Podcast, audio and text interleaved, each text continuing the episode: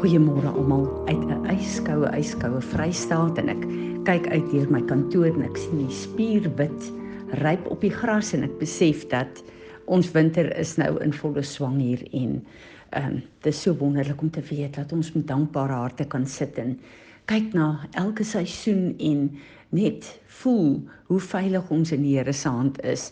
Op hierdie stadium is dit vir my so sleg as ek kyk na die nuus en ek sien hier in Suid-Afrika ehm um, die geweldige oorstromings en die mense wat letterlik tot by hulle kuite ehm um, uh, in hulle huise stap in die water probeer uitkry. Dan besef ek net hoe geseënd is ons en hoeveel ons het om voordankbaar te wees. So ek is ver oggend met 'n dankbare hart wat ek buig saam met julle voor hierdie Skepper God wat ons Vader is en Jesus en Heilige Gees wat uh, maak nie saak wat in ons lewe gebeur nie, hy is saam met ons daar. Ek wil vir oggend sommer net lees uh, Romeine 8 vers um, 31. En dis 'n gedeelte wat ons almal so goed ken. Um Paulus skryf hier Yet in all these things we are more than conquerors and gain an overwhelming victory through him who loved us so much that he died for us. For I am convinced, continue to be convinced beyond any doubt that neither death, nor life, nor angels, nor principalities, nor things present and threatening, nor things to come, nor powers, nor height, nor depth, nor any other created thing will be able to separate us from the unlimited love of God, which is in Christ Jesus our Lord. Hierdie is so omvattende skrif wat sê daar is niks, niks. Ons is in 'n verbond met die lewende God. Daar is niks nie in hierdie dimensie of enige ander dimensie wat ons ooit weer kan skei van die liefde van God nie. En uh hierdie plek van sekuriteit uh het ek al soveel keer in my lewe ervaar, maar dit vrywaar my nie. Elke keer as 'n storm kom om weer eens 'n bietjie geskit te word nie. Ons het al soveel uh lering gehad oor die gedeelte waar Jesus die storm stil gemaak het terwyl hy in die boot geslaap het en die disippels benoud geraak het.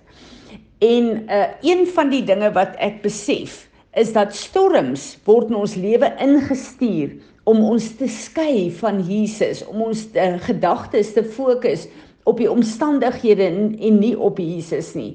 En dit is baie keer so moeilik want as hierdie storms kom en dit kom tref jou, baie keer is dit van 'n plek af wat jy dit nie verwag nie. As ons kyk na hierdie voorbeeld van hierdie disippels, die see van Galilea was hulle bron van van inkomste uh wat God gebruik het op aarde.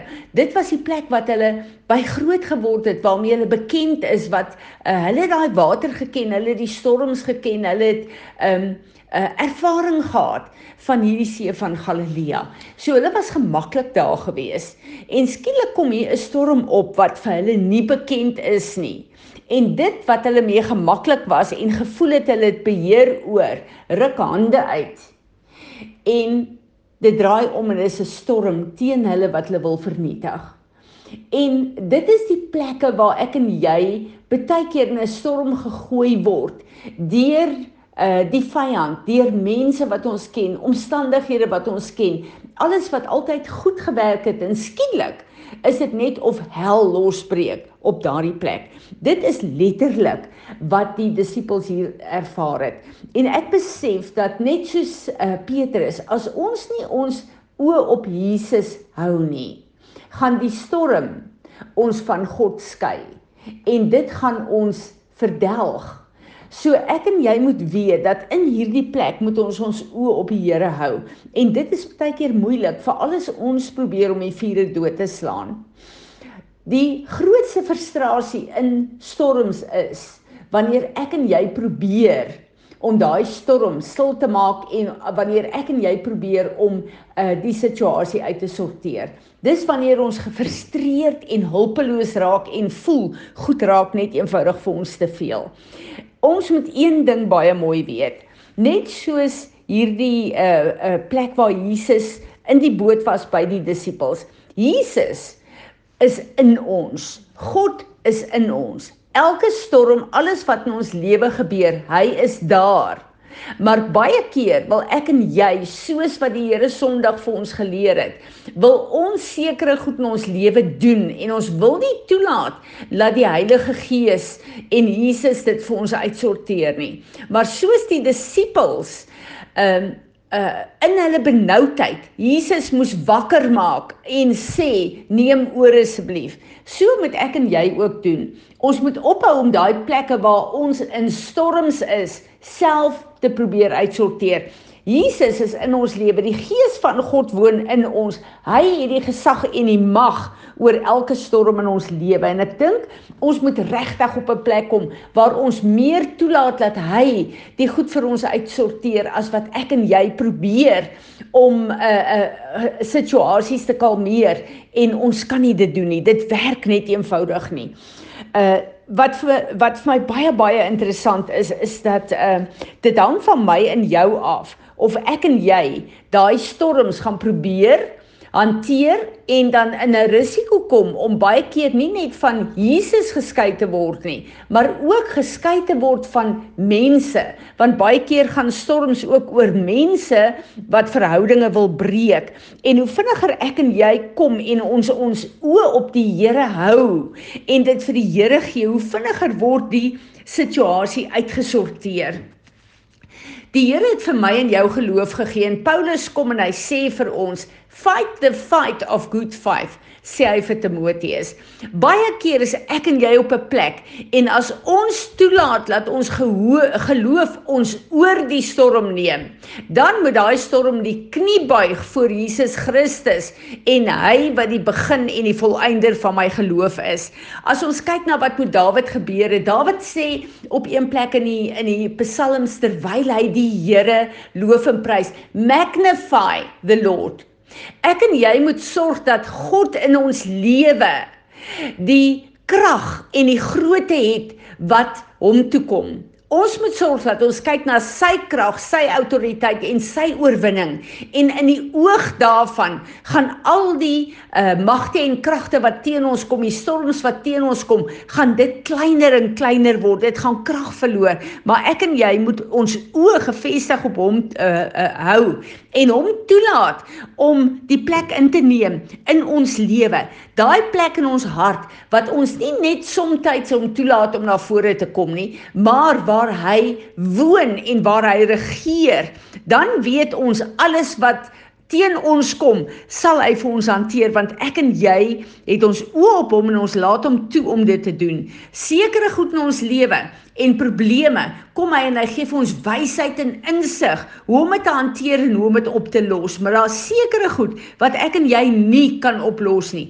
En dis daai plekke waar ek en jy nodig het om ons te onderwerp aan hom en sy teenwoordigheid. En dis vir my so interessant terwyl Jesus opgestaan het het hy gekyk na hierdie storm en hy het net 'n woord gesê: "Be still." As ek en jy net tot stilstand kom ons oop Jesus kry en 'n woord kry om 'n storm te ontlont. Ons het 'n woord van Jesus nodig. Nie ons eie wysheid en insig wat meeste van die tyd hierdie storm net groter laat word nie. Ek en jy het nodig om 'n woord van Jesus te kry in elke situasie vir al wat ek en jy nie kan uh, hanteer nie. Hy is daar om hierdie winde wat 'n uh, uh, ruk in ons lewe tot stilstand te bring. En as ons kyk na die situasie van Dawid en Goliat, Uh dis so interessant om te sien dat God het vir Dawid opgelei met die uh, beer en met die leeu. Maar Dawid was in hierdie situasie gewees waar uh, hy in 'n oorlog is wat hy nog nooit geveg het nie. Hy was nog nooit in 'n soldaat in 'n fisiese oorlog nie. So hy het geen oefeninge of niks gehad nie. Hy was bloot 'n tiener wat gekom het in teen hierdie uh uh oversized uh reus te staan moes kom. En hy het 'n woord van God gekry en hy het God se strategie gekry. En hy het teen wat enige een in so ongeluk situasie 'n uh, uh, oorlogssituasie sou gedoen het gegaan en klippies gaan haal. Hierdie mense het uh, oorlogswapens swaarde uh wat hulle mee beklei. En hier kom hierdie tiener en op die woord van God kom hy en hy kry God se strategie en ons ken die geskiedenis daarvan. Want Dawid het geweet hy's in 'n verbond met die enigste lewende God. En hy het gekyk na hierdie reus. Ek en jy moet kyk na hierdie storm en sê, hy het vir Goliat gesê, "You uncircumcised Dit wil sê jy is nie in 'n verbond met my God nie.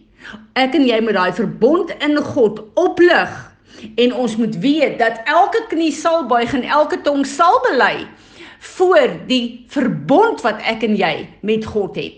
Want dit beteken ek en jy staan in 'n storm of in 'n aanval met God die sterk een, Jesus die oorwinnaar in elke storm wat ek en jy kry.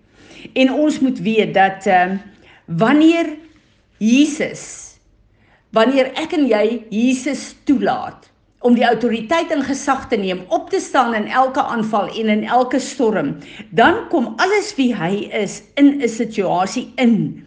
En in plaas daarvan dat laat storms en aanvalle my en jou skei van hom is ek en jy so verborge in hom dat wie hy is alles doen wat nodig is. Hy het op Golgotha het hy alles oorwin vir my en jou. Daar's niks op aarde. Romeine 8 vers 31. Niks op aarde of in die heelal wat kom en my en jou kan skei van die liefde van God nie. Maar ek en jy moet dit kies. Ons moet ophou om self storms aan te vat wat net hy vir ons kan ontlont en kan stil maak. Wat 'n voorreg is dit net nie om hierdie sekuriteit te hê in ons God. Die wete dat ons kan op aarde lewe in 'n aarde waar alles so onseker is op hierdie stadium en ons kan kyk na al hierdie goed en al hierdie voorspellings wat kom en weet. Daar's niks wat my sal kom skud om my te beskadig nie, want die God wat ek dien is die God van oorwinning. Vader, as ons buig ver oggend voor U, dan wil ons kom soos Dawid en sê, I magnify the Lord my God. U almag en U autoriteit en U krag en U alwetendheid. Here is uh te groot vir ons woordeskat om uit te kan spreek, maar dankie dat ons kan buig in aanbidding en U kan kom groot maak en oprig in ons lewe. Here Jesus, ons bid dat U die beheer sal hê van ons lewe en ons harte en help ons om nie self te probeer goed doen wat U um autoriteit alleen in ons lewe kan uitsorteer nie. Heilige Heilige Gees van God, dankie. Dankie dat U in ons woon en dat U ons voetstappe rig volgens ons Vader se perfekte wil. Amen.